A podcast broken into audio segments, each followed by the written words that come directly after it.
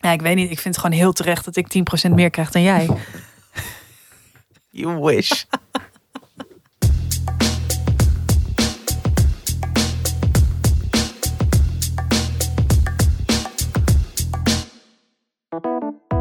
Hallo mensen en welkom bij de 82e aflevering van Tussen 30 en 83. 83ste aflevering van Tussen 30 en 80.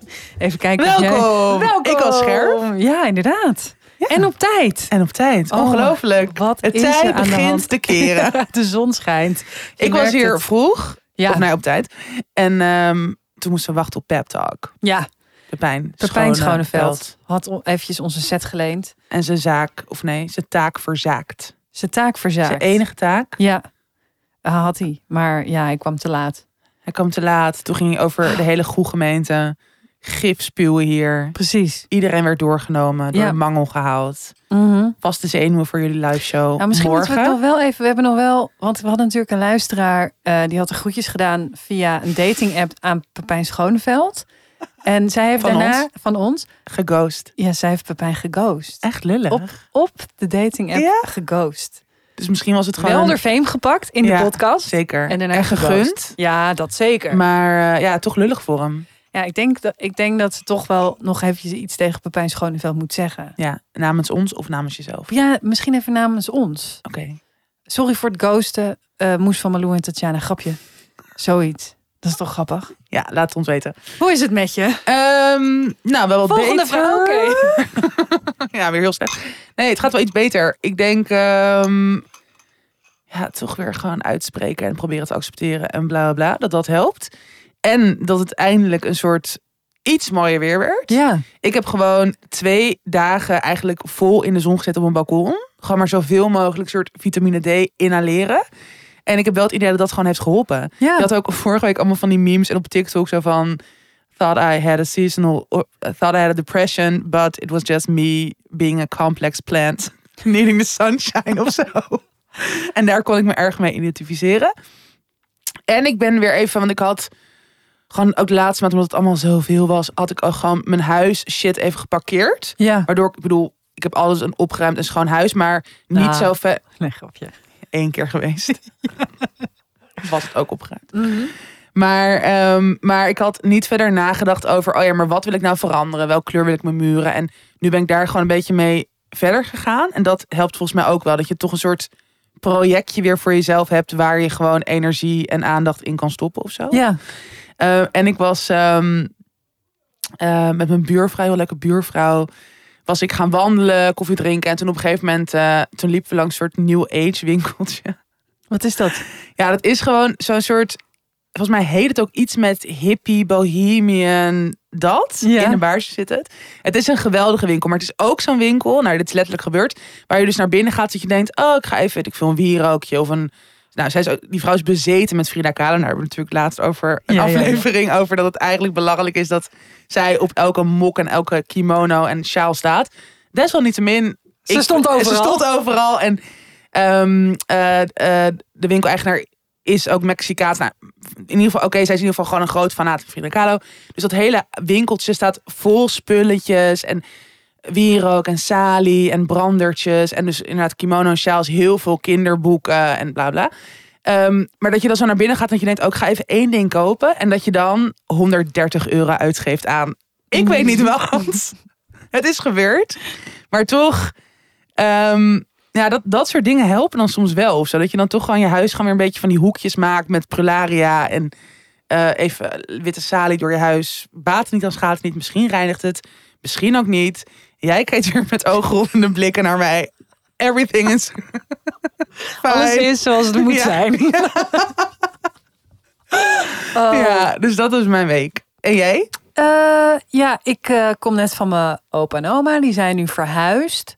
Oké, het is Eh, gebeurd. ja. Het is gebeurd. En eh, ja, ik had dus mijn oma die eh, gouden armband gekregen met die eh, Ja. adresgegevens erop en hoe ze moest lopen. Mhm. Ehm, maar ze is de laatste tijd zo erg achteruit gegaan met haar geheugen en haar warrigheid. Dat ze snapte het niet. Eh, en het is ook weer te klein om in echt goed te kunnen zien. Mhm. Eh, dus ze denkt nu dat ze van mij een hele, hele dure gouden armband cadeau heeft gedaan. Oh, ze begon een soort van in paniek te raken van, maar moet ik dit ding dan verzekeren? Ik, ik bewaar het onder mijn kussen. En ze denkt dus nu de hele tijd dat het dat hij gestolen kan worden. Ah. Ehm, dus ja, ik heb er eigenlijk opgezadeld met een probleem. Want ze is er heel druk mee. Dus we waren er net. Ze moet natuurlijk. Dus nu hebben we net zo, zo heb ik al haar jassen gelabeld. Zit nu een labeltje aan met dezelfde teksten en haar sleutels en haar eh, tassen en zo. Ja. Eh, en ook we zijn erachter gekomen dat ze ondervoed was. Is. Oh nee. Dus ik heeft nu van die, ja, echt van die soort van astronauten voeding. Dat je zo, zo'n flesje Ja. en er zitten iets van drie Big Macs men- menus in, zeg maar, qua calorieën, weet je wel. En dat is dan een soort drankje of zo. Ja, ja. Wow. Maar had dus eh, laatst, eh, eh, daar krijg je, zit heel veel eiwit en zo ook in. Maar ja, je weet wat er dan gebeurt. Als je heel veel eiwit eet, ga je echt de hele tijd scheten laten. Ja, ja, ja. En op een gegeven moment dat ze, deed ze dat zo. En iedereen moest lachen. Toen werd ze kwaad. En toen zei ze tegen Rinse: Ja, ja, maar eh, ik, moest, ik, ik deed gewoon even ontspannen, ja. En, en jullie hebben tenminste een hele jongen. En toen, toen stopte ze. Rinse zei: Een jongen Ah. wat? Ah. Dus dat dus, ja, nou, ze ontspant haar anus goed. En eh, voor de rest is kan ze niks onthouden. Eh, dus dat, ja. Eh, en Jeetje. ja, ik ben morgen jarig als je dit luistert. Ja, het is Ja. nu de twintigste en morgen ben ik jarig. En dan sta ik dus in het theater in de kleine komedie. Ehm, en dit, dit was er gebeurd. Het is dus van Pep Talk, Mhm. Pepijn Schoneveld. En die gaat dan in gesprek met zijn vier beste vrienden. En dat is dan Raoul Heertje, Alex Ploeg, Christine de Boer en ik. Maar ik paste dus blijkbaar niet op de regels. Op de In- aankondiging, om- op de aankondiging van de kleine komedie. Dus nu staat er Pepijn Schoneveld in gesprek met Christine de Boer, Alex Ploeg, Raoul Heertje en anderen. En anderen. Ik en dat is één iemand. Dat is echt niet oké. Ik, zag dat en ik dacht echt, wat de fuck. Ik ging ook nog zo doorklikken dat ik dacht, huh, maar ik dacht dat jullie met z'n vieren te gast daar waren. Wie zijn dan al die andere mensen? Maar ik ben ook Malu. als enige en anderen. Zo weird. I know. Echt niet oké. Ik denk wel dat het heel leuk is. Ben benieuwd. Laat even weten via onze DM als je erbij bent. Ben benieuwd of er ook nog luisteraars van tussen 30 en dood gaan. waarschijnlijk de helft van de zaal. Precies, als dat zo is, dan, dan heb ik een beetje eh, straatwaarde Ja, daar. Dus ja, dan kan ik eventjes... Dan Meet kan and ik er greet. lekker, ja, kan ik er hard, afloop, handtekeningen. ja, maar dan kan ik er even een beetje hard ingaan. Ja. Met uh, Laat het zeker weten. Dus dat, ja, dat is er een beetje aan de hand. Nou, zin in. Ik eh, ben heel benieuwd. Eh, ja, dus ja, een New Age winkeltje. Een nieuw age winkeltje. New Age winkeltje. ehm, is dat dan zo heel Ibiza-achtige... Ja, maar ik moet wel zeggen, het zijn dus wel echt leuke en eh, kwalitatief mooie dingen. Dus ik heb gewoon van, van die soort handgemaakte bakjes. Ik heb dan eentje met een zeemeermin. Maar ja, het ziet er gewoon fucking vet uit. Het is wel 40 euro. Ja, het kan verkeren. Ja, precies. Eh nee, hoor, Therapy, dit is shopping. dus mijn bruggetje naar Oh. geld. Leuk. Cool, hè? Heel cool.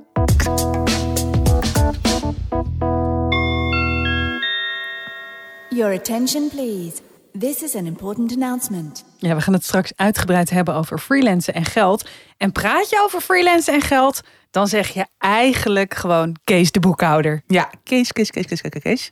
Kees de Boekhouder is een groep ontzettend leuke dedicated boekhouders voor de administratie en aangiftes van kleine en grote ondernemers. Creatieven zoals schrijvers, theatermakers, kunstenaars, nou dat is een beetje onze hoek. Maar ook voor freelance schoenmakers, bakkers, schilders, glazenwassers, docenten en ga zo maar door. Ja, eh, ik zit ook bij Kees de boekhouder. Ja. En je krijgt een persoonlijke boekhouder. Mijn eh, persoonlijke boekhouder is Simone. En Simone die helpt met planningen en overzicht houden en btw-aangiftes en inkomstenbelastingen en jaarrekeningen. En eh, nou, Simone belt ook af en toe, omdat. Eh, ja, wat ik af en toe vergeet is nou, planningen, overzicht houden, btw-aangiftes, inkomstenbelasting, jaarrekening. Dat vergeet Alles. ik dan, zeg maar alles.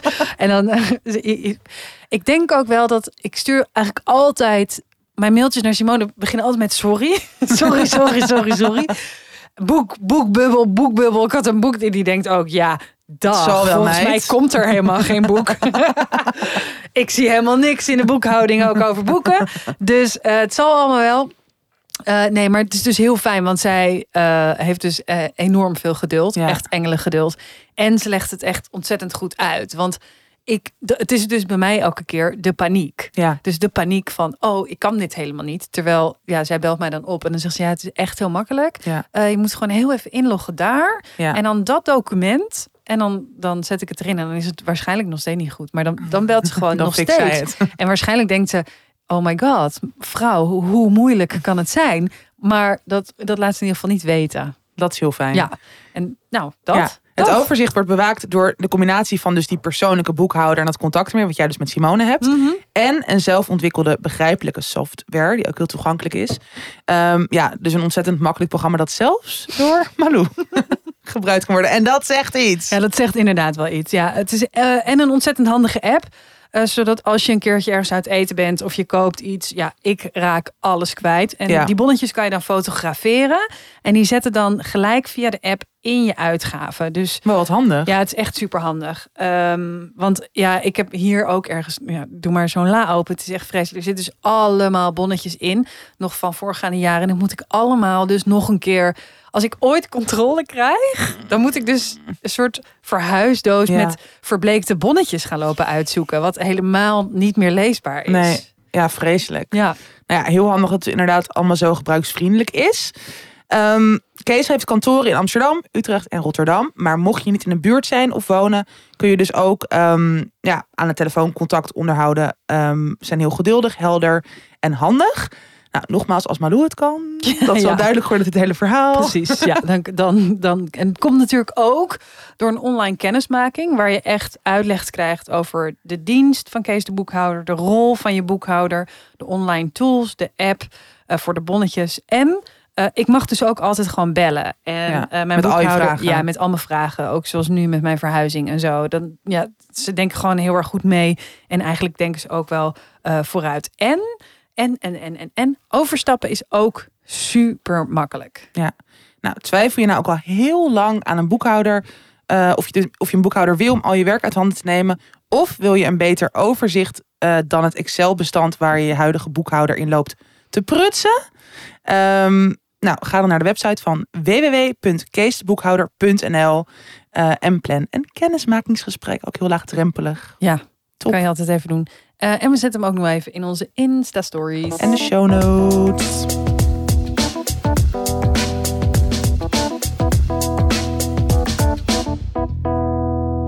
We gaan het hebben over freelancen. We gaan het hebben over freelancen. Freelancen, ja, ook omdat we heel veel eh, berichten krijgen van luisteraars Ja. die eraan zitten te denken om die stap te nemen. Of eh, nou ja, eh, nu een vaste baan hebben en denken, zou het iets voor mij zijn? Ja.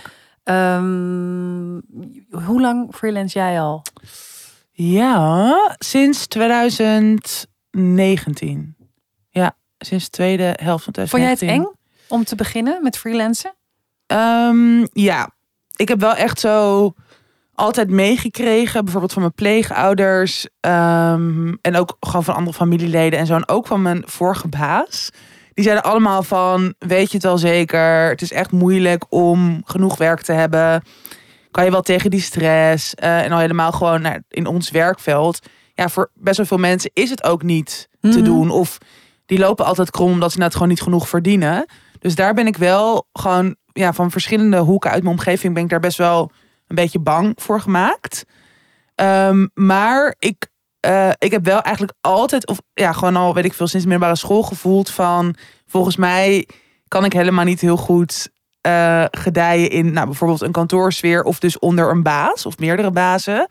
En dat heb ik ook wel nou, ervaren in dus inderdaad mijn vorige eh, baan in loondienst. Dus ik had wel al, oh ja, en het feit dat ik gewoon het heel leuk vind en heel vervullend om heel veel verschillende eh, dingen te doen. Ja, Dus ik ben natuurlijk en schrijver en fotograaf en heel veel spreekklussen. En, en dat voelde ik altijd al wel van, volgens mij gedij ik daar heel goed bij. Mhm. En versterkt ook het een het ander. En dat is eigenlijk gewoon niet in loondienst te doen. nee. Dus daardoor voelde ik wel best wel lang eh, een soort prikkel of soort onrust van, oh ja, volgens mij is dit wel mijn pad of zo. Ja, Maar ik vond het wel echt spannend. Ik had wel, ik heb er wel echt slapeloze nachten van gehad van, oh ja, inderdaad, wat als ik niet, ook omdat ik gewoon niet echt een vangnet heb of zo. Dus ja. ja, dat zei bijvoorbeeld mijn vorige baas.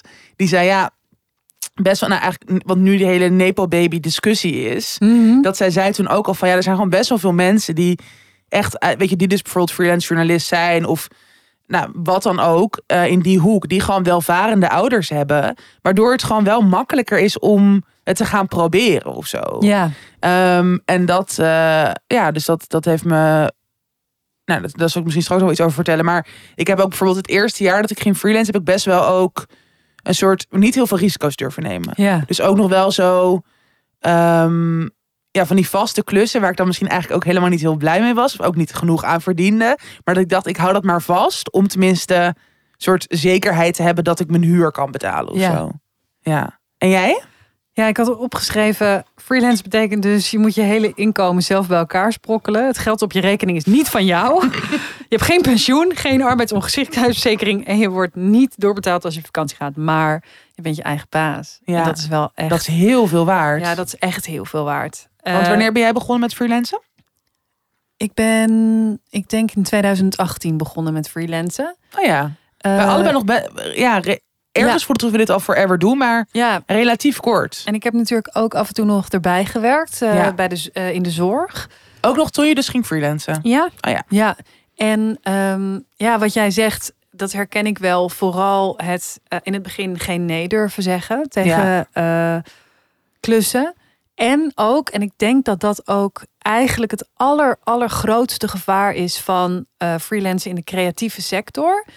Ehm, je prijs niet eh, omhoog durven gooien. Dus gewoon het, het doen voor wat eigenlijk de, Ja. de klant eh, de prijs laten bepalen. ja. In plaats van mijn dienst ja, kost zoveel. Ja. En daarvoor kan je het, weet je, en daaromheen kan je nog een beetje onderhandelen over de voorwaarden, of over de lengte of over ja. wat dan ook. Maar dit is wat het kost. Dit is wat het kost om een essay te schrijven. Dit is wat het kost om een column te schrijven. Mhm. Weet je wel? En je hebt daar natuurlijk wel kaders in voor een krant of voor een, een tijdschrift of whatever. Maar eh nou ja, helemaal als het gaat over sprekersklussen of over Ja.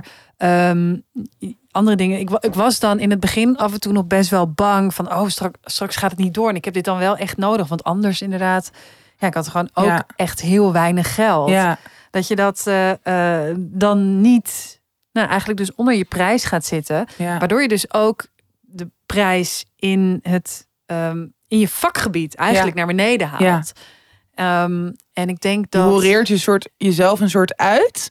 En daarmee fuck je ook je fuckt iedereen, iedereen eigenlijk. daarmee. Ja, ja. ja. Mm, En dat is best wel, want, want ik stoor me daar dus nu af en toe aan, aan andere journalisten of schrijvers of sprekers. Dat ik, eh, ik had laatst bijvoorbeeld een, eh, een aanvraag voor echt echt een groot merk. Ja. Echt een groot merk. ja. En zij wilde ook echt iets commercieels eh, op beeld. En eh, het was iets met interviews en zo. En eh nou, hadden we gewoon een prijs gemaakt. Mijn agent eh, eh, doet dat dan. En eh, gewoon echt een goede redelijke prijs. En dan zeggen zij, nou nee, nee, maar dat is echt Veel ve- te veel. veel te veel. Ja. En dan uiteindelijk vinden, gaan ze dus iemand vinden die dat, die Ja. dat wel doet Ja. voor die prijs. En dan denk ik, ja, doe dat nou niet. Ja. maar dat is dus moeilijk. Want misschien is dat Precies, maar ik was in een het begin beginner. Ja. ook zo. Ja. Omdat ik dacht, ja, straks, ja, ik doe het wel. Want dan is Ja. het voor mij is dan misschien een opstapje naar, naar iets anders. Maar ook omdat, ik weet niet hoe dat bij jou is, maar ehm, ik ging best wel.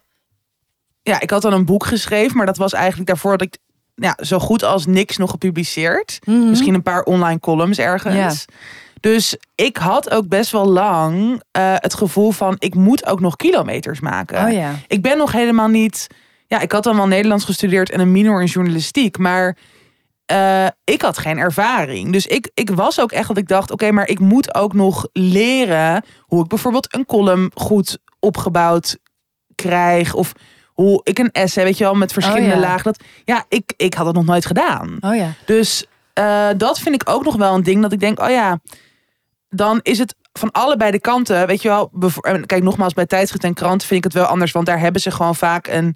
eh, ja, een bepaalde centprijs voor woorden, zeg maar. Dus bijvoorbeeld 40 cent per woord. Of, en daar zit er natuurlijk wel, er zit soms een beetje rek in. Of ook Mhm. soms kan je een totaalprijs afspreken. Of dat. Maar daar zijn wel richtlijnen in. Hoewel ik die richtlijnen eerst niet echt kende. Want ik had ook Ja. helemaal nog niet heel veel. Nu bestaat mijn halve vriendenkring uit collega's uit het veld. Maar dat was bij mij echt niet in het begin zo. Ik kende niemand. Of weet je wel, zo van Instagram. Maar... En ik vind ook wel dat mensen de afgelopen paar jaar, ik zelf ook, transparanter zijn geworden over geld. Ja. Dus dat in het begin dat iedereen er ook nog, of in het begin dat ik ging freelance, nog best wel een beetje ja, nu- nuffig over of zo. Beetje gewoon van- een beetje panisch of een beetje van, oh ja, maar da- daar hebben we het niet over. Terwijl, ja, daar is ook wel, dat is best wel opengebroken. Of in ieder Ja. geval in een beetje onze bubbel in ieder geval. Ja. Wij hebben het ook wel vaak gewoon heel ja, open gewoon even, over. even neerleggen. Ja. hey, hoeveel zou ik hiervoor vragen? Of hoeveel krijg jij hiervoor? En dan... En dat is zo fijn, maar dat, dat, nou, dat ken ik dus ook in het begin niet. Maar ook dat ik dacht, oh ja, maar deze opdrachtgevers nemen ook een risico. Of die geven mij ook een kans. Ehm, als beginnend schrijver of als beginnend journalist. Of, ehm, dus daar zit natuurlijk ook nog wel een beetje... eh, of vind jij dat helemaal niet? Nou, weet je wat het is? Kijk, zo'n plek, weet je wel, waar een column eh, komt te staan of een artikel. Kijk, een ervaren ehm, schrijver of journalist, die schrijft zo'n stuk in een uur. En jij als beginnend journalist eh, schrijft zo'n stuk misschien in twee dagen. Ja, En dat is de ervaring die je mist. ja. Ik bedoel, want het moet wel of geen ervaring, hoor je niet terug te lezen in een column. Ehm, dus hoe je het, weet je wel, hoe je het doet, daar zit voor, voor mij die, die ontwikkeling. Maar ik bedoel, je verwacht van al je schrijvers dat het goed komt. En dan vind ik dat je er dus ook Mm, gewoon voor moet betalen. ja. Ehm, en kijk, als iemand een, een hele populaire columnist of een hele bekende stem eh, is, dan i- natuurlijk kost dat dan meer, maar dan betaal je eh, op populariteit Ja. of weet je hoe iemand. Maar, maar als het gaat over ehm, ja, iemand een kans geven, ja, eh, ja, je wil iemand of niet. ja. En als je waar, iemand wil, dan Ja. vind ik, dan moet je daar wel gewoon een eerlijke, goede prijs voor Ja. betalen. En dan zit het in, jij werkt er op dat moment echt nog wel harder voor dan iemand eh, eh, die Ja, al heel die lang gewoon inderdaad en daar doet zit, en- ja, ja. en daar zit eigenlijk het verschil in. Ja, Als je het uit terugbreekt, maar ik vind niet dat je opdrachtgever dat verschil bepaalt. Want je wil gewoon, je opdrachtgever wil van jou ook gewoon een heel erg goed stuk hebben. ja, nee, Dus- wel waar. Ja, Eh, en, en ik ben ook, maar dat is natuurlijk ook heel, wat, wat heel grappig is, is eh, eh, namelijk podcast. Kijk, wij zijn, wij zijn best wel al, nou, nu bijna een jaar bezig. Daarvoor was ik ook al bijna een jaar bezig met eh, Dit komt nooit meer goed, hè? Mhm. En eh, daarvoor heb ik ook voor het Parool heel veel podcasts gemaakt. En, en eigenlijk beginnen bedrijven nu te denken... oh, dat, dat werkt dus heel goed. Ja. Een eigen podcast Ja. voor je bedrijf of iets. Weet je, echt dat storytel. Dat, dat is echt wel... Dat, ehm, en dan komen ze dus naar je toe. En dan ben ben- ik ben een ervaren podcastmaker, Mhm. hè? En dan zeggen ze, ja, nee, maar het is voor ons nog wel een beetje een experiment. Dus we hebben dan niet zoveel budget. Ja, als je niet zoveel budget hebt en, te- en je wil dat het een experiment is, dan, dan moet je Niet ook maar lekker. jou, Ja, ja, maar dan ga je, ja. dan vraag dan eh, eh, Rita van de broodjes van je kantine. nee, maar dan, dan ga je een experiment, weet je. Maar Ja. nu, je wil iets en dan wil je dat het, je wil wel dat het heel goed is. Het Ja. is voor jullie een experiment, dus je gaat expres naar iemand. Dan kan je niet tegen diegene zeggen. ehm, het is, eh, ja, maar we hebben niet ja, zoveel dan nemen ze budget. jou dus ook niet serieus. Ja. En dan waar, de achten ze jou niet op waarde, inderdaad. Ja, dat. Ja, Of, nee, dat zal jij ongetwijfeld ook hebben. Dat mensen ge- vragen of je een gratis column kan schrijven. ja. Want dat is goed, want dan ben je zichtbaar. is goed voor Dat je. exposure argument. het is zo'n belediging. Lik me reet. Ja. Serieus. Maar het is echt, ik, Ja. snap, ik, ik snap niet dat mensen daar nu nog mee aankomen. En dan ook mensen die dan zeggen, oh ja, ik volg jou heel lang op Instagram. Als je mij heel lang op Instagram volgt, dan Ja. zie je hoeveel fucking werk ik doe.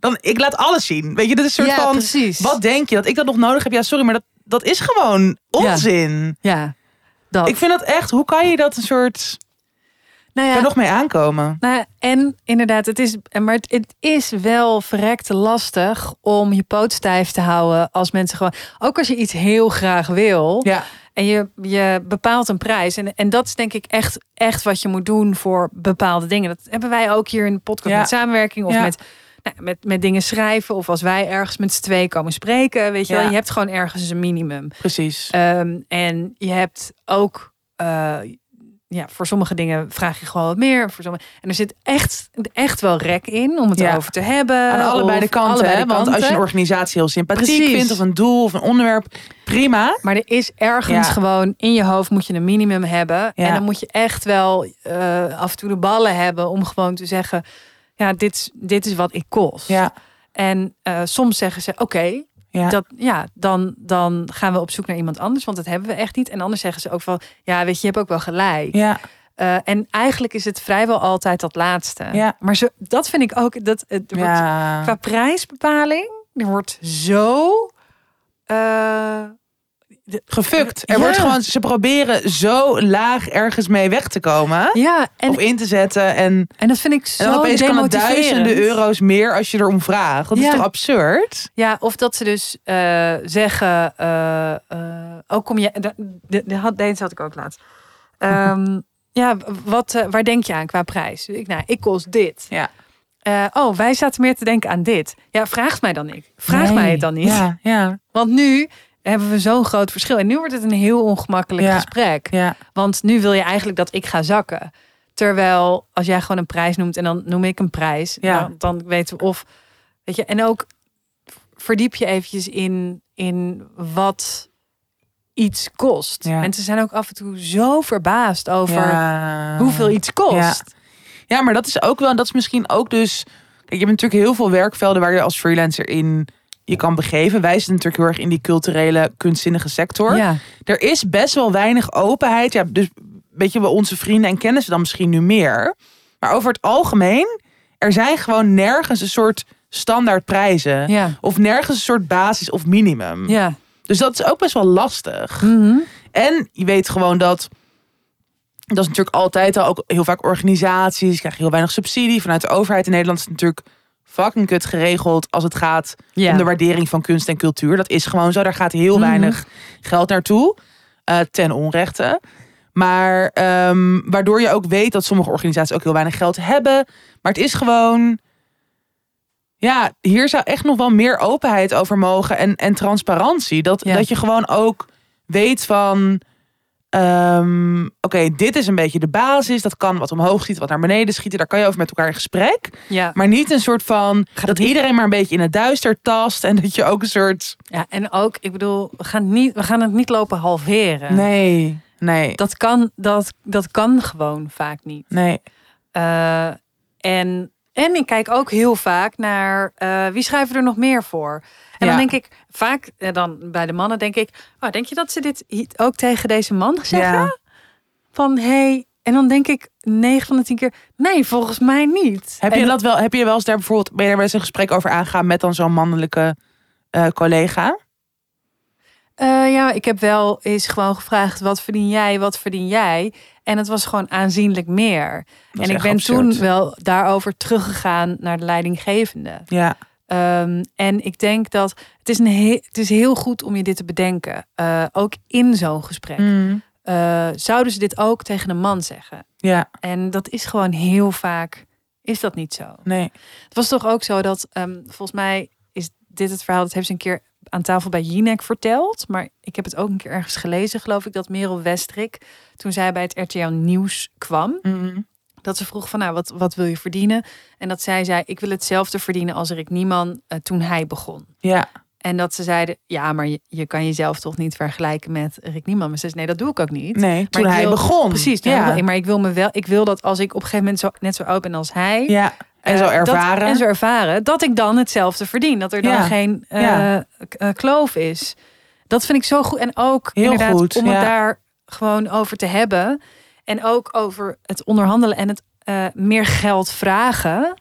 Gewoon meer geld vragen. Ik heb ook Ja. op een gegeven moment werkte ik voor een eh, blad. En daar schreef ik voor. Maar ik, ik verdiende al vier jaar hetzelfde. Ja, Ja, en ik dacht, weet je, dan heb Ja. je het over van, ja, ik ben echt veel beter gaan schrijven, Ja. betere onderwerpen. Dan op een gegeven moment vind je ook wel, dan vind, vind ik wel dat ik meer verdien. ja, want er zit een ontwikkeling in. Dat is natuurlijk dat is, dat is ook wel lastig met freelancen. Dat, dat heb je, vooral als je dus ergens een langere tijd voor schrijft, dat in elk ander Ja.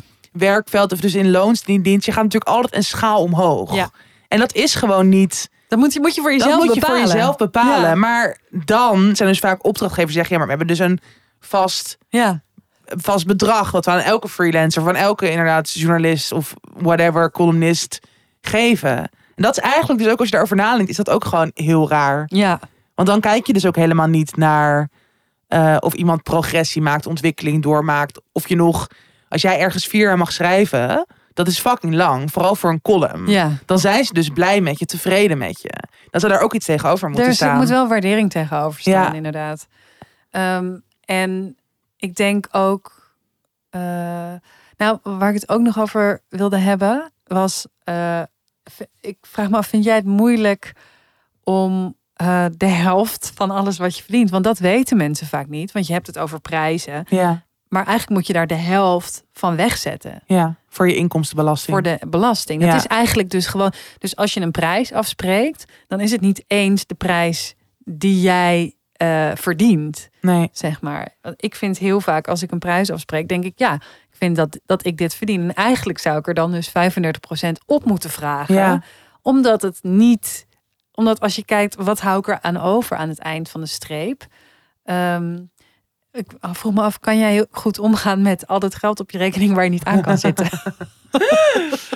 Nou, ik ben wel altijd. eh, ik zet bijvoorbeeld zo mijn kwartaal, eh, dus gewoon BTW zeg maar, dat zet ik wel altijd op een andere rekening. ja, Dat is natuurlijk één keer in de vier maanden. Is dat kwartaal, ja? ja.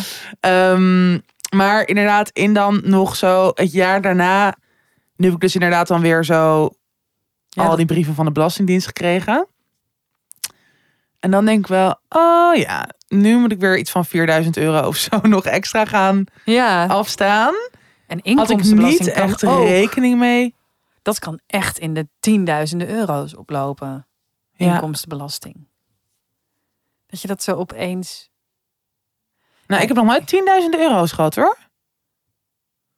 Maar wel iets van 5000 of 6000 euro. Ja. Dat is natuurlijk, oh, dat is gewoon heel veel geld. Dan moet je wel dan apart hebben, hebben staan. Ja, nou, ik doe altijd zo'n zo'n zo regeling. Dus altijd zo maandelijks dan, weet ik veel, 100 nog wat. Oh. Dat je dat dan, wat kan je over 13 maanden mag je dat dan. eh, oh, maar daar kan ik dus niet tegen. Oh ja, nee, ik vind dat juist wel fijn. Ik moet altijd alles, als, als ik een rekening binnenkrijg, moet ik meteen helemaal betalen. Ik kan Ja. niet tegen. eh, eh, Nee, oh, ik zie dat eigenlijk in die zin dan een beetje hetzelfde als gewoon je studieschuld. Oh, daar, nee, daar kan ik helemaal niet over nadenken. Wegsfeer. Wegsfeer.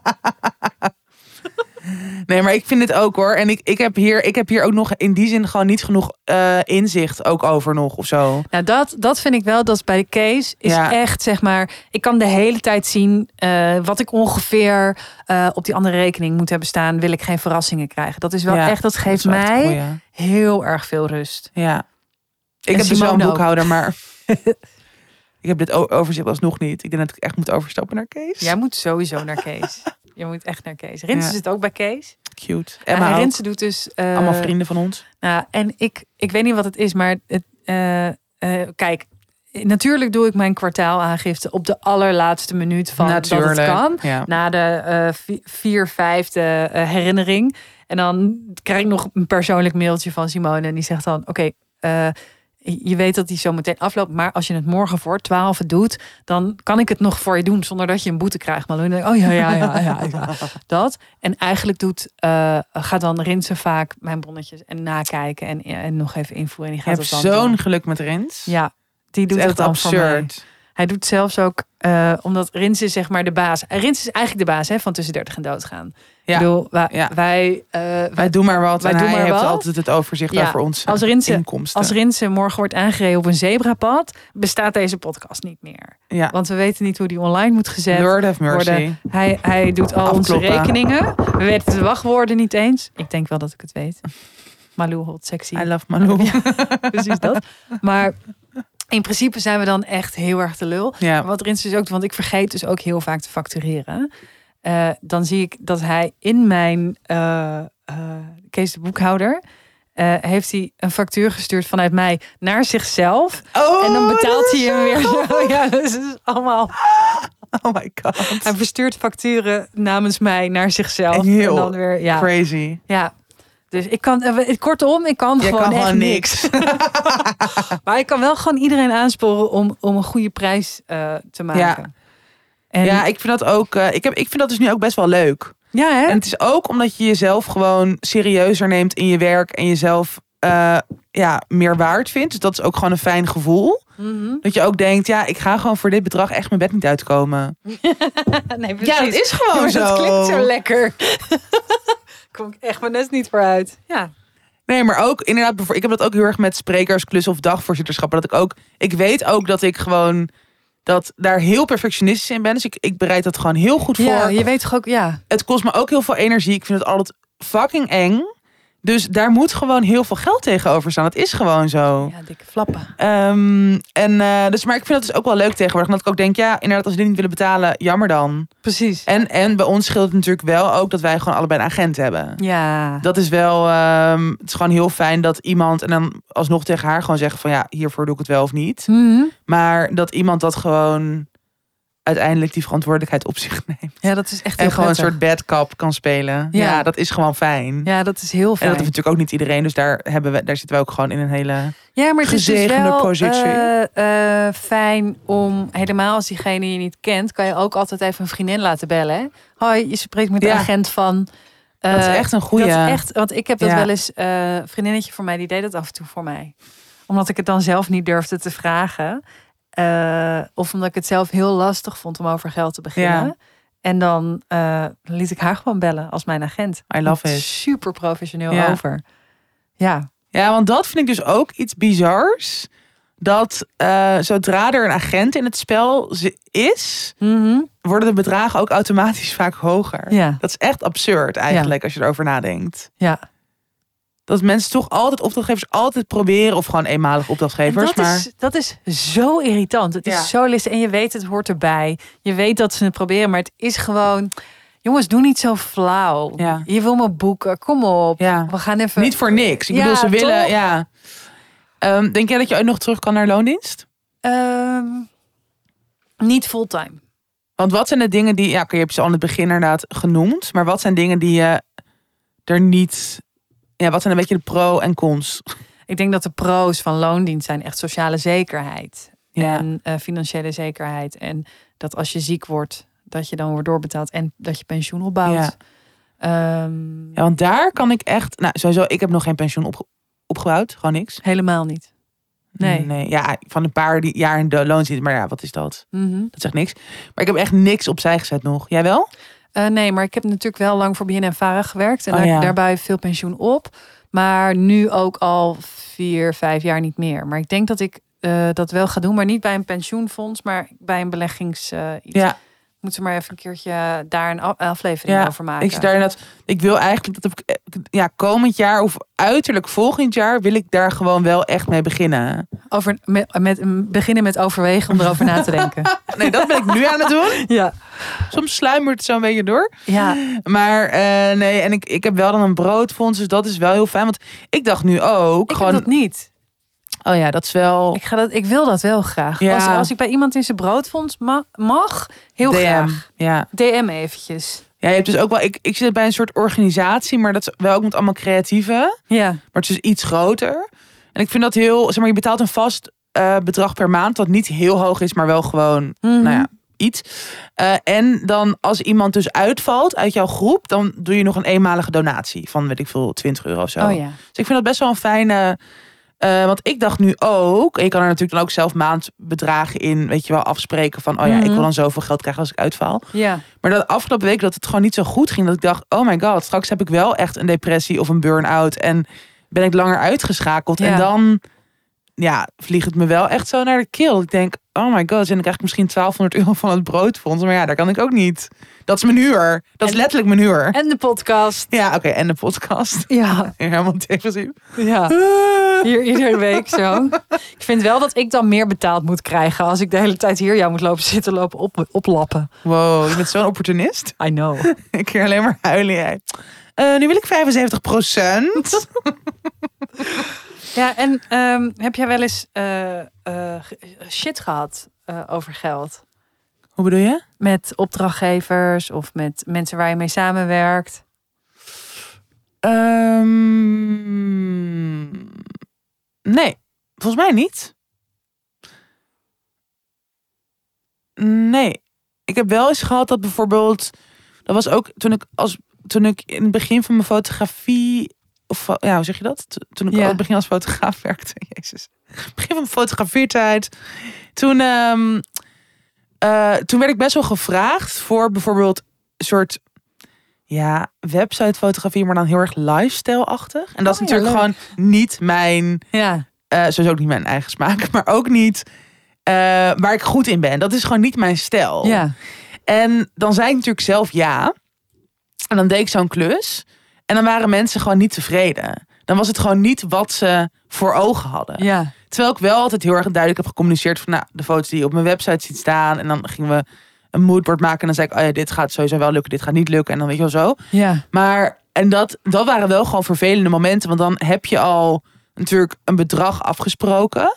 En een van die personen die zei echt van ja, ik, ik, ik wil eigenlijk, dit is gewoon niet wat ik, weet je wel, wat in mijn kleurenpalet van mijn website zou passen. Ik zei ja, maar we hebben, we hebben gebeld van tevoren. We hebben, Ja. weet je, nogmaals, je hebt mij gevraagd, dus je weet wat mijn stijl en mijn, ja, gewoon hoe ik werk. En nou, daar hebben we dus best wel, dat was best wel vervelend, ook qua geld. Toen heb ik uiteindelijk ook gewoon een soort, wel een beetje ingebonden. Dat ik ook me natuurlijk wel best wel bezwaard voelde van ja, het is dan toch, weet ik veel, eh 400 euro of zo. Volgens Ja. diegene dan ook nog met extra foto's afkopen of zo. Ja, dus dat is natuurlijk, het is ook niet heel weinig geld dan of zo. Als je gewoon, ja, eigenlijk niks gaat gebruiken. Maar dat ik wel daar later ook over dacht van, oeh, dit is wel, dit is gewoon niet de bedoeling. Mhm. Ehm, maar daar, ik ben daar, dat heeft me in die zin ook wel verder gebracht. Dat ik ook daardoor nog duidelijker ben. Dat ik gewoon met iedereen een voorgesprek wil die mij ook als fotograaf Ja. boekt.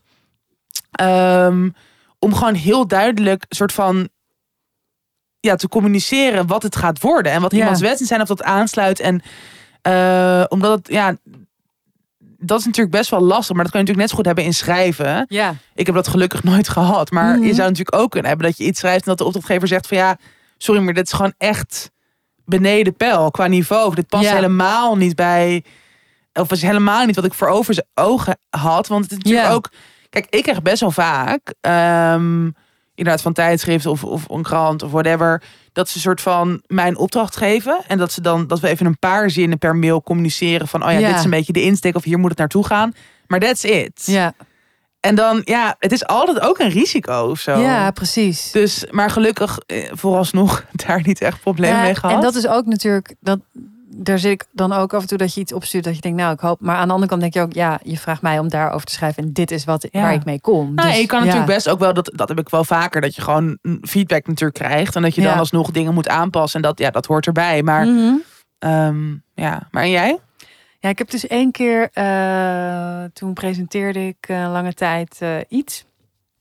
Ik hou het eventjes een beetje zo vaag. En toen kwam ik erachter dat andere mensen eh, per eh, dat wat we moesten presenteren eh 100 euro meer kregen dan ik. En eh, nou, daar heb ik toen eh, mail over gestuurd. En ik kreeg maar geen reactie daarop. Dat werd gewoon een beetje genegeerd. Wow. En eh, toen ben ik gewoon dat andere bedrag gaan factureren. Dan denk ik, ja, mazzel. Zijn jullie helemaal gek geworden? wow. Niks over gehoord, gewoon altijd betaald. Wat chill. Ja, Maar ja, en terecht dus ook. ja. Ik dacht gewoon, ja, maar ik doe het net zo goed als de rest. Dus Ja. ik ga dat echt niet voor minder, Nee. minder lopen te doen. Eh Wat mazzel. grappig. Ja. En eh, in samenwerking of zo? ja, ik weet niet. Ik vind het gewoon heel terecht dat ik 10% meer krijg dan jij. You wish.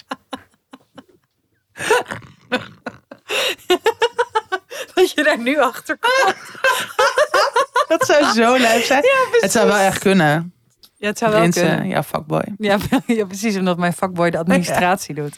En dus blijkbaar zelfs facturen vanuit jou stuurt. Ja, dat, is- dat wij allemaal zo allemaal geld wegsluizen, ja. Oh. Zie ik jullie wel voor aan. Nou, gelukkig heb ik overal bonnetjes hier in huis gehangen wat ik van jou wil. Nou, ik vind echt, ik vind onze samenstelling zo transparant, want iedereen Ja. kan elkaar eh, controleren. Ja, Grappig. Dat is echt fijn. Maar ja, en we hebben gewoon Jul. Dus die fixt het gewoon. Die fixt gewoon echt goede dingen voor ons. Ja.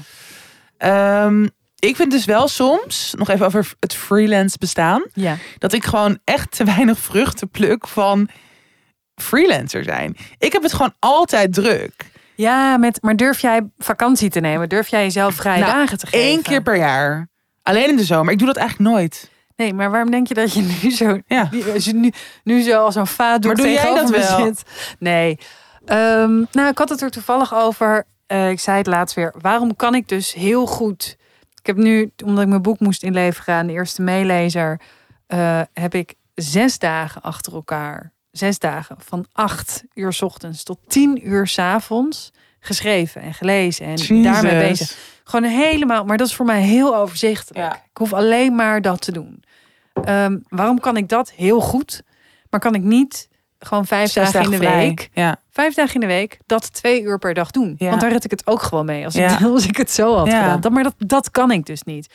Dus ik vind het heel lekker. En ik moet wel zeggen dat ik heel erg moet oppassen met eh, ja, mezelf niet. eh nou, mezelf daarin remmen. Ik was gisteren echt een soort. Gisteren was de eerste dag in hele lange tijd dat ik even niet aan mijn boek moest. En ik Mhm. moet het ook even loslaten, want ik moet er over een week weer naar kijken. En dan, moet het ook Mhm. natuurlijk anders. En, maar, en, maar ja, nu zit ik zo, oh nee, maar dan moet ik echt, ik moet bijna mezelf op de vingers tikken om niet mijn laptop open te doen en dat te doen. Dus nee, ik vind het ook echt verschrikkelijk. Ja, ik vind dat echt. Maar het is ook, denk ik, het is ook met schrijven misschien zo dat, ja, zo'n boek of, ja, maar niet per se alleen met een boek. Ik weet niet, het is gewoon, het, is, het werk is nooit klaar. Je kan altijd Nee. meer dingen doen. Je kan altijd meer dingen uitzetten. Je kan altijd weer nieuwe ideeën. vlucht, hè? Ja, dat zal wel. Gelukkig binnenkort weer therapie.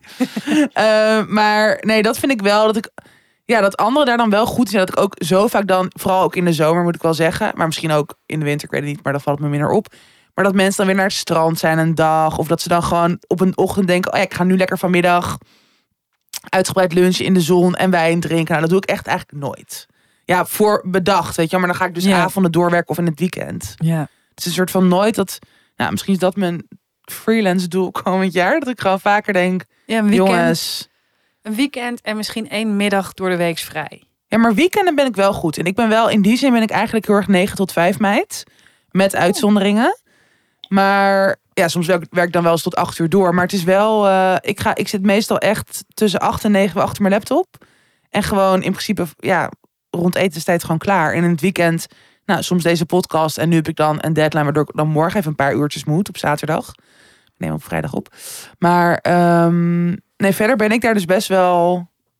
Nou, Maar ja, alsnog, ja, oké, een weekend, maar... Ja. Maar dan als... Ik merk dus... Je moet ook echt vakantie hebben. Je moet Ja, echt vooral langer. een week, ja, twee precies. weken, gewoon niet je mail, automatische beantwoorder aan. Ja. Ik ben er niet. Ja. En Ja. dan gewoon alles door naar je agent. Ja. Wie weet. Oké, Nou, door. door.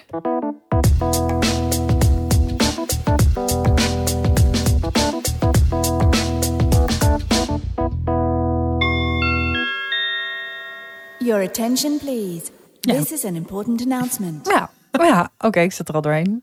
Hm, We, we zijn, eh, het is weer de tijd van de maand voor Snuks. Snuks. Ja, ons favoriete menstruatieondergoed. Voor de nieuwe luisteraars nog even waarom wij fan zijn van Snux. Snux is duurzaam, zit lekker en het staat mooi. En het is inclusief. Het is ondergoed eh, in verschillende maten en modellen. En het geeft heel veel gemak. Dat is misschien nog wel het belangrijkste, in ieder geval voor mij. Waarom ik al jaren Snuks ondergoed draag, wanneer ik menstrueer. Eh, wij hebben al een aantal keer over ons fandom van Snuks gepraat. En ik ook al vaker op mijn persoonlijke Instagram. En er zijn altijd mensen die hun vraagtekens zetten bij een menstruatieondergoed. Want hoe kan het hygiënisch zijn en niet doorlekken? Nou ja, in het ondergoed zitten verschillende lagen, waardoor het bloed goed wordt geabsorbeerd. Tegen het doorlekken dus.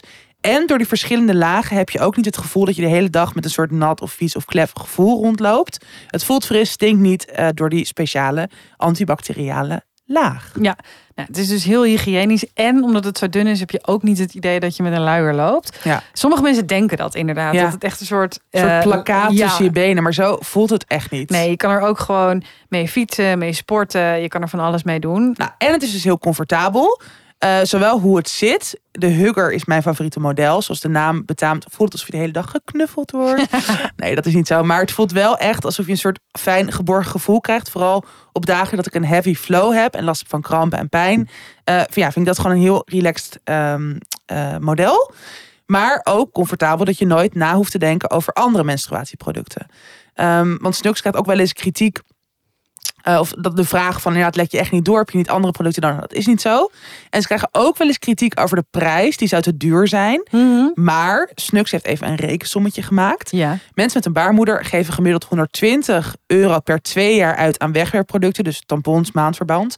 En daar kun je vijf Snux onderbroeken van kopen die heel lang meegaan. Ja. Want ik heb inderdaad, nou, wij hebben allebei best wel veel materiaal, of nee, veel modellen van verschillende materialen Ja. en kleuren en alles verzameld door de jaren heen. En ik heb echt, eh, ja, modellen die ik nu al meer dan twee jaar draag en die gewoon echt nog goed zitten, mooi eruit zien. Dus het is gewoon veel duurzamer. En voor de langere termijn ben je dus helemaal niet zoveel geld kwijt. Ja, eh, en mijn favoriete eh, model is de Brazilian. Die is ook echt heel mooi hoog Ja. en zo mooie billen erin. Dus het is ook niet, mensen denken ook vaak dat het, een, dat het groot moet zijn. Ja, of echt een soort van typische Bridget Jones onderbroek. ja, kan soms heel lekker zijn. Maar Heerlijk, je hebt inderdaad echt voor ieder wat wils eigenlijk. Ja. Voor ieder lichaam wat wils. Voor iedere eh, smaak. Ehm, Ja, ja. je hebt een classic model, een string model, een bikini model. Voor iedere flow wat wils, inderdaad. Ja. ja, ik vind het ook heel erg chill om snuks te dragen eh, als je misschien ongesteld wordt, dat je het nog niet echt weet.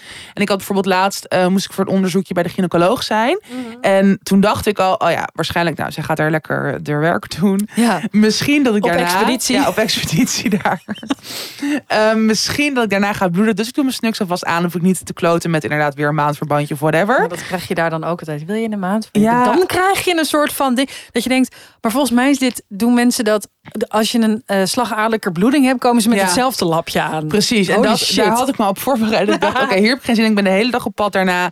Eh, dus ik doe mijn snuks aan. Dat is gewoon, ja, het Ja. is zo fijn om nergens over na te denken. Nou, mogen duidelijk zijn. We kunnen niet meer zonder. En als je Snux nog niet hebt geprobeerd, eh, sla je slag. We mogen weer korting uitdelen. Ik weet bijna zeker dat je ook fan wordt. Eh, met de code TDD15, dus tussen 30 dood aan 15, TDD15, eh, heb je tot 13 maart 15% korting op het gehele assortiment van Snux. Eh, check het linkje naar de korting in onze show notes. Het komt ook nog even voorbij in onze Instagram stories. En eh, ja, Geniet ervan. Geniet ervan. Go for it. Enjoy the chillness. Tijd voor tips. Tijd voor tips. Ja. Oké, ik wil een ehm, eh, documentaire tippen. Het heet All the Beauty and the Bloodshed. Mhm. Heb jij al gezien? Nee, nog draait niet. nu in de bios. Het is een documentaire over het leven en het werk van Nan Goldin. Ja. Een van mijn favoriete fotografen. Ehm, ik heb nu eh, een, een essay geschreven over waarom zij zo geweldig is. Dat zou ik ook wel eventjes anders op de Insta delen voor Mr. Motley. En heb je daar genoeg leuk. voor betaald gekregen? Zeker. Ja. Heel leuk online ehm, eh, tijdschrift. Nog een tip eigenlijk, een tip in een tip. Een leuk online platform tijdschrift over kunst. Maar ook heel erg de eh, link naar ja, hoe het je leven beïnvloedt. Best wel maatschappelijk kunstzinnig blad, Mr. Motley. En daar... eh, ja, ik, ik was gewoon zo geïnspireerd door die film. Dat heb je toch soms dat je Ja. dan... Het was best wel lang. En ik was gewoon op een maandagmiddag daar naartoe. Nou, toch de perks of freelance life. En ik was gewoon helemaal zo huilen, lachen, helemaal een soort van in haar leven. Hele interessante levensloop, fucking veel trauma's. Ehm Yay, trauma's. Yay, trauma's, herkenning, yay. Voelde me weer gezien. Aandacht, aandacht. Negatieve aandacht is ook aandacht. Jezus. Ja. Jij bent echt niet goed. Ehm, maar het is vooral heel bijzonder, want haar fotografie is ehm, ze, ja, in, de jaren of in de jaren zeventig is een beetje begonnen. En ze heeft heel veel. eh, ze behoorde tot de LHBTI plus gemeenschap, biseksuele vrouw. En ehm, ze heeft heel. Ze heeft in, een, in queer cafés gewerkt en ze fotografeerde gewoon al haar vrienden, haar collega's, de mensen om haar heen. Dus je, aan de ene kant heb je heel erg een soort van die bohemian lifestyle, heel erg paradijsvogels, ook heel glamorous. Maar het, je reduceert eigenlijk haar kunst of haar stijl er heel erg mee als je het alleen maar daarop gooit. Want er zit dus ook heel veel, de, de HIV-pandemie, van Hm. epidemie zit Ja. erin. Ehm, sowieso heel veel heftigheid ook. Natuurlijk mensen die mega gediscrimineerd werden, die in elkaar werden geslagen. Ze heeft ook een geweldig boek. En dat gaat eigenlijk ook over de periode dat zij in een abusive relatie zat. Heeft ze allemaal vastgelegd. Dus het is heel erg zo die soort dagboek fotografie vibe. Mhm. Maar echt, want bijvoorbeeld Ed van der, Ed van der Elske is ook dagboek Moest ik ook, ja, moest ik ook aan Ja, denken. alleen zij gaat dus echt, want ik vind zijn fotografie ook geweldig, maar zij gaat echt stappen verder. Ja. Dus het is fucking rauw. Je ziet blauwe plekken, je ziet bloed, je ziet seks. Zij fotografeert zichzelf als ze aan het neuken is. Het is een Oh. soort van, echt iets voor jou. Echt is voor mij. nee, maar het is, het is een soort van niets ontzienend, maar ook dus Mhm. zichzelf niet sparend. En nou, in die documentaire gaat het dus gaat het over haar werk, over haar levensloop. Maar het gaat ook heel erg, ze is op een gegeven moment heel activistisch geworden. Want eh, op een gegeven moment is ze verslaafd geraakt aan die pijnstiller eh oxy... Oxycodon Precies. heb ik hier in de kast liggen. Heb je dat niet ook een keer aan mij gegeven? Ik heb dat ook nog in mijn kast liggen. Ik heb het niet gebruikt. Oh, en ik heb het gewoon van mijn moeder. Hier, neem dit maar, lieverd. Ja, Ja, toch, ja, naar mijn abortus toen. ja. Nou, ik heb het niet gebruikt. Wie weet. dat ik het nog uit ga doen. Nee, sorry. Dit is eh, helemaal. Want het- zij protesteert dus. Precies. En zij protesteert dus heel erg tegen de eh, familie die dit, deze pijnstiller eigenlijk groot heeft gemaakt. Waardoor heel veel mensen verslaafd zijn geraakt. ja. Heel veel mensen ook dood zijn Dat was gegaan ook eraan. hun, hun, hun doel was zoveel mogelijk mensen verslaafd Precies, maken. hè? die, ja. die secular family. Dus, daar, dus er zit gewoon heel veel in die film. En zij is gewoon, ja, geweldig. Ik ben gewoon verliefd op haar. Ik, ik wil haar zijn. Ik ben verliefd op haar.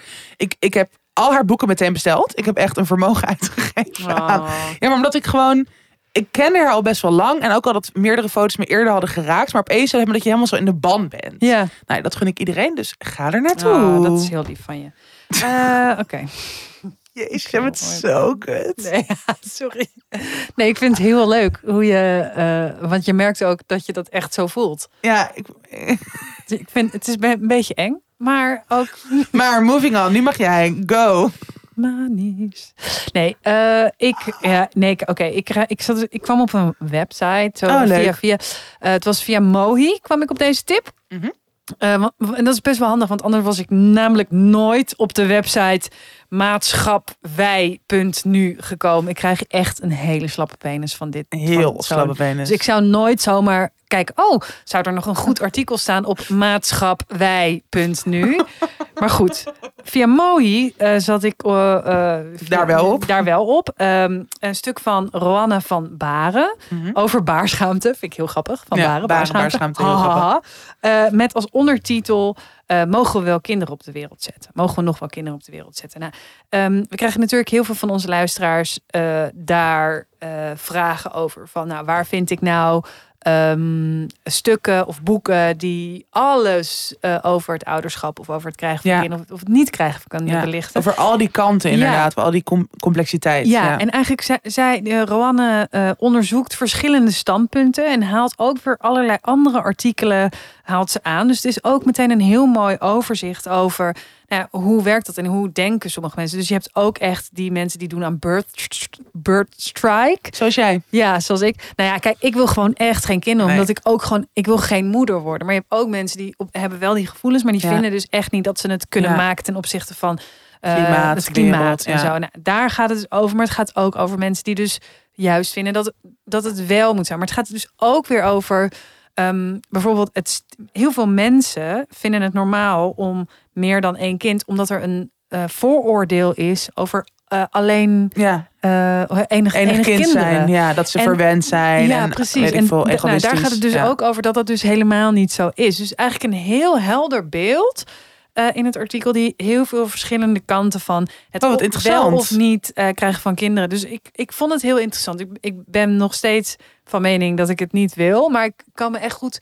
Eh, eh, je kan je echt eventjes goed inlezen. En eh, ze haalt hele eh, goede andere artikelen en YouTube filmpjes Mm. aan. Oké, Dus, nice. ja. Oh nee, wacht. Your attention, please. This is an important Ja, announcement. dit is heel leuk. We hebben nog een extra We soort hebben nog tip. een extra tip. Ja. Want geen strijd en rivaliteit hier. Wij promoten graag andere podcasts en podcasters die wij goed en leuk en interessant vinden. En vandaag is het tijd voor een aanbeveling voor een relatief nieuwe podcast. Schaamteloos Randstedelijk heet die. Mhm. Afgelopen najaar zijn Perre van den Brink en Doortje van Smithuizen gestart met deze wekelijkse podcast voor jonge mensen in de stad op zoek naar houvast. Ja, schaamteloos randstedelijk gaat over alles dat je wel bent of doet, maar niet wil zijn of doen. Ja. Het gaat eigenlijk over ons. Het gaat eigenlijk Het gaat over eigenlijk ons in een notendop. Jou en mij. Kijk, we maken ons allemaal druk om eh, centrificatie, maar we willen ook een paar leuke koffietenten met havermelk in de buurt. Ja. En we vinden duurzaamheid belangrijk, maar we vliegen ook wel heel graag een paar keer naar nou, de andere kant van de wereld. Zoals wij Ibiza, afgelopen jaar hebben gedaan. Naar New York Ja, of naar even Indonesië. naar Indonesië. Ja, eh, we zijn tegen uitbuiting, maar we nemen wel Dit ben echt jij. als het regent. Dit vind jij zo erg. Precies. Ehm, dus denk eh, eh, Voor heel veel, ja, ja. heel veel randstedelingen. En ik ben ook heel blij. Ik ga natuurlijk nu verhuizen naar Antwerpen. Antwerpen. Ook een randstad hoor. ook een in een ander land. In maar een ander land. Ehm, maar ja, het is ook heel ja, het, het, het luistert echt ontzettend fijn. En het is inderdaad, eh, je wordt af en toe op je vingers getikt. En dan denk je, oh ja, ja, ja, ja. Dit ben ja. ik ook. Dit ben ik ook. Maar, het het is zo fijn omdat zij dat dus ook, dus je deelt ook Ja. gelijk weer iets met elkaar. Ja, je hebt gewoon die herkenning. Ehm, ik vind het altijd echt een verademing om dus te merken dat ik inderdaad niet de enige ben met bepaalde dilemma's of hypocriete neigingen. bijvoorbeeld, bijvoorbeeld dit vond ik ook echt een goeie. Dat is ook in een van de afleveringen. Waarom je van Moof haat, maar er toch eentje wil. Ja, ik natuurlijk. wil er gewoon één. Terwijl ik echt elke dag loop te kankeren op die fietsen. Ja. Omdat ze zo fucking irritant zijn.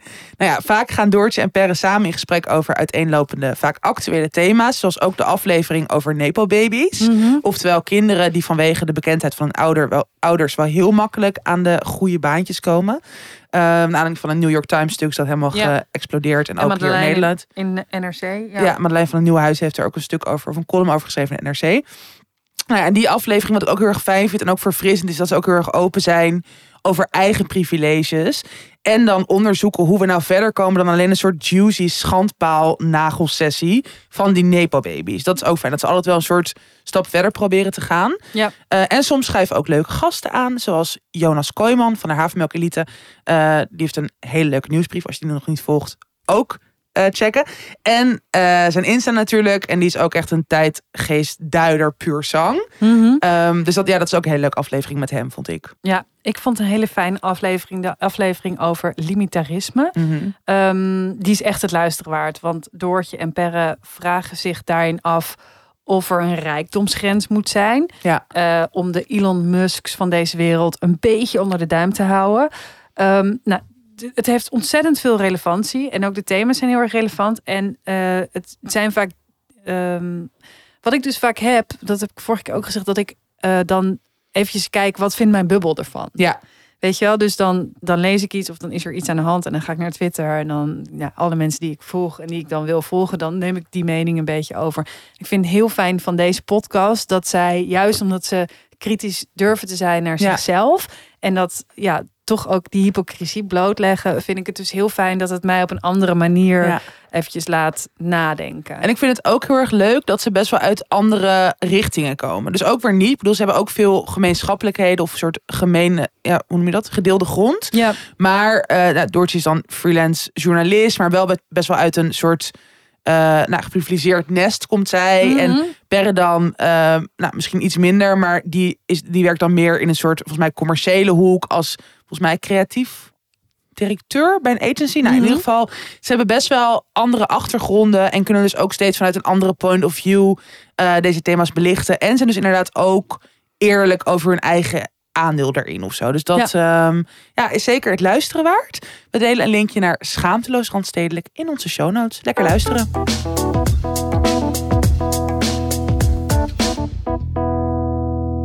De luisteraarsvraag. Oh, er zit echt een enorme haar. Welke kleur heeft die? Is het een Grijs. Malou haar of een... ehm, ja, we hebben een, Een levens, een Zal ik hem- levens zal ik hem voorlezen? Ja, ik doe dat maar. Eh, het is allemaal eerst weer heel lief. Hey Malou en Tatjana, I love the podcast. Gefeliciteerd Malou naar Vlaanderen. Petje affers. Eh, vooral een keer komen logeren. Ik dacht het niet. Goed, dat, dat gezegd hebbende. Wel, wel, wel. Doen, doen, doen. Ja, ik vind het een hele leuke levensvraag. Oké. Ik had hem ook in Ik ben app benieuwd. gezet. Oh my god, oh my god. Ik heb hem nog niet gelezen. Ik heb een levensvraag. Een vriendin van me steelt. Ze steelt vrijwel altijd als ze in de supermarkt is. Vaak rekent ze een deel af en steelt ze producten die ze te duur vindt.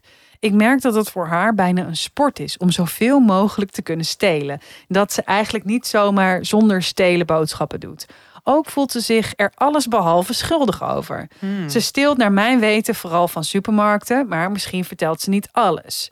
Nu is dit op zichzelf iets wat me vooral moraal tegenstaat. Ik voel me hier echt oncomfortabel door, een, door en merk dat ik haar minder waardeer als vriendin, omdat ik deze eigenschap gewoon echt niet nice vind. Wat echter nog vervelender is, is dat ze ook wel eens steelt als ze boodschappen doet, waar we vervolgens samen van eten. Ze steelt dus ook voor mij. En zo ziet ze dat ook echt. Ik weet dat ze erg defensief zou reageren als ik hier met haar over zou praten. Mede omdat ze zelf gewoon echt niet inziet waarom het niet kan. Stiekem hoop ik een beetje dat ze betrapt wordt. En dan inziet dat ze het beter niet kan doen. Maar ik ben bang voor de gevolgen die, eh, die dat misschien voor haar hebben. Ik merk ook dat ik haar als vriendin minder vertrouw. Het voelt alsof ze misschien vaker tegen me liegt of de waarheid verbuigt. Ik weet niet meer wat waar is in een gesprek. Nu ben ik niet extreem close met haar op het moment. En ik vind dat eh, op zich prima dat we wat minder contact hebben. Maar het blijft toch door mijn hoofd spelen. Hebben jullie over de hele situatie gedachten, eigen ervaringen, tips eh, naar het bespreekbaar maken? Wat ik sowieso wil gaan proberen, ondanks haar defensieve reactie. Wow. I love it. Wel echt intens. Ja, hè? Ja. Oké. Nou, ik heb dus een keertje per ongeluk een hele zak boodschappen gejat bij de Albert Heijn. En ik zal even vertellen hoe dit ging. Ehm, ik eh, was er ergens heel zenuwachtig voor. En dan, ken je dat, dan zit je echt super in je hoofd. Nou, en ik had zo ehm, allemaal dingen gescand en eh, dat allemaal in die tas gedaan. En ik wil afrekenen en eh, ik word gecontroleerd. Dus die vrouw, die kwam naar mij toe. Ja. En eh ze mag ik controleren. En die haalt weer zo al. En ik had echt zo. Alles paste helemaal goed. Als een soort Tetris-spel. Ja. Had ik dat zo keurig in elkaar. dit- ja. En zij pakt echt van die onderste dingen. En alles flikkert in elkaar. Dus ik ben dan weer zo. En zij zei: Oké, nou, eh, weet je wel, klaar. Ja. En ik heb alles gewoon zo in mijn tas gestopt. Tas over mijn schouder. En ik ben weggelopen. En gewoon niet Ik afgeven. heb gewoon niet afgerekend. En ik maar ik snap het niet, want je, je, of had je een soort, nee, ik snap het echt niet, want je hebt toch alles al gescand? ik heb alles al gescand. En dan voordat je kan afrekenen. Oh ja, dan komt ze. Oh ja, sorry. komt ze. Ja. En toen, ik heb gewoon heel boos alles weer in die tas gedaan. En het zat weer goed. En ik ben weggelopen. dus dat hele scherm stond nog op uw pas uit. maar je hebt toch, je, hebt toch je, je bonnetje nodig om eruit te kunnen? Ik ben gewoon achter iemand anders Oh aangelopen. my Daarom heb ik het niet doorgehad. zo heb ik dat... en- Maar het was zo... En, maar ik voelde me daar dus echt zo bizar kut Ja. over. Dat ik dacht... Maar ik durfde ook niet... Omdat ik me zo erg schaamde... durfde ik me dus ook niet meer terug te gaan. Nee. En ik heb twee Albert Heijns, dus ik dacht, ja, ik ga maar naar die andere even voorlopig. Nee, maar omdat ik me echt, omdat Ja. ik echt dacht, oh ja, shit, want maar wie gelooft, weet je wel, Ja. zo dat. En ik vind heel erg, als je kijkt naar dit verhaal, het is gewoon echt niet normaal om zoveel te jatten. Maar en je ik- bent ook fucking geprivilegeerd dat je dat dus durft, want dan word je dus blijkbaar echt nooit gecontroleerd. Ja, maar ik, ik vraag me ook wel af, want ik had een tijdje ook een vriendin, wel echt al een tijd geleden, maar ehm, die, die ook best wel veel eh, stal. Echt? Ja, en ook in de supermarkt. En eh, ik weet gewoon, zeg maar, kleptomanie Ja. is ook best wel een. eh, dat kan bijvoorbeeld aan borderline linken. Of dat is gewoon Ja. best wel. Dat is echt wel een, een, een ziekte. Hoe zeg Ja. je dat nou? Ja, het is een stoornis. Het is een stoornis, precies. Dus ik, en als, als iemand het zoveel doet. Ja. Ja. Of je hebt een soort Robin Hood complex. Kan ook een stoornis zijn. Ja. Maar of het is inderdaad, er is gewoon iets psychisch ook waardoor zij dat misschien doet. Ja. Dus dat vind ik wel het lastig hierin. Eh, Maar je moet toch tegen haar zeggen, sorry, maar het is niet oké wat jij nee. doet. Want ik vind het ook grappig dat zeg maar die vriendin van mij die dat deed, die wist niet dat ik dat door had. Oh. Dus die heeft het nooit tegen mij gezegd. Ja, misschien later hebben we het er wel een keer over gehad, maar tijdens vertelde ze dat echt niet. En jij zag gewoon dat ze dan de helft ja, want we eh, eh, eh, studeerden met elkaar. Dus we gingen dan gewoon best wel vaak. Gingen we dan gewoon, weet je wel, ja, in college dan ga je gewoon eventjes lunch halen of zo. Of gewoon dingen. En dan, ehm, ja, dan, dan zag ik dat gewoon. Maar, zij had ook dan bijvoorbeeld vaak al iets in haar tas of zo. Of in haar Oh. jaszak. Maar ik vind het dus zo eng. Ja. Dat Ik vind het zo ontzettend eng. Ja. Ik ben één keer, oh, ik ben nog één keer. Ben, toen ben ik dus betrapt. Nou, dat was ook, oh, ik schaamde me zo erg. En toen moest ik echt bijna huilen. Dat was dus ook weer zo, zo dat je helemaal gestrest bent en weet ik veel wat. Ja. En wat ik toen had, was, ehm, toen heb ik het, ehm, ik was met mijn telefoon, ik had het mandje en ik had van die koffiemelkcupjes. Die zijn 36 cent, zo'n strip. Ja. En in plaats van mijn telefoon, deed ik dus mijn telefoon in het winkelmandje en die koffiemelkstrips in mijn jaszak. En ik ben ook zo naar buiten gelopen met dat zo half uitsteken. En zeiden ze, oh ja, dat heb je, heb je dat afgerekend? En ik zei, oh nee, oh, oh shit, oh sorry, oh jee, oh wat erg. Maar ik had echt gewoon voor iets van 50 euro boodschappen. Ja. Dus waarom zou ik dat van 32 cent? Toen moest ik zo mee naar achter. Huh, maar dat zagen ze? Ja, Wow. Het was echt, ja, omdat het toen was, was gewoon nog voor de kassa. Ja. Dus Oh, ik ja. zat bij de kassa Oh, zo. ja. En ik had gewoon dat in mijn. Ja. En daar gingen ze zo. Maar ik voelde me daar zo kut over. Ja. Maar ik, ik durf niet eens zwart te rijden. Maar ik durf denk dus dat eens- daarom, ik kan me niet voorstellen dat mensen, als je dit dus vaak doet, en nou, zo te horen doet ze dat vaak en is daar dus ook open over. Ik kan me dat dus niet, zeg maar, als je dus niet zo erg schaamt of niet zo erg bang bent, ja, dan gaat het. Ja, het gaat. Als je vergeet te ademen. Oh, ja.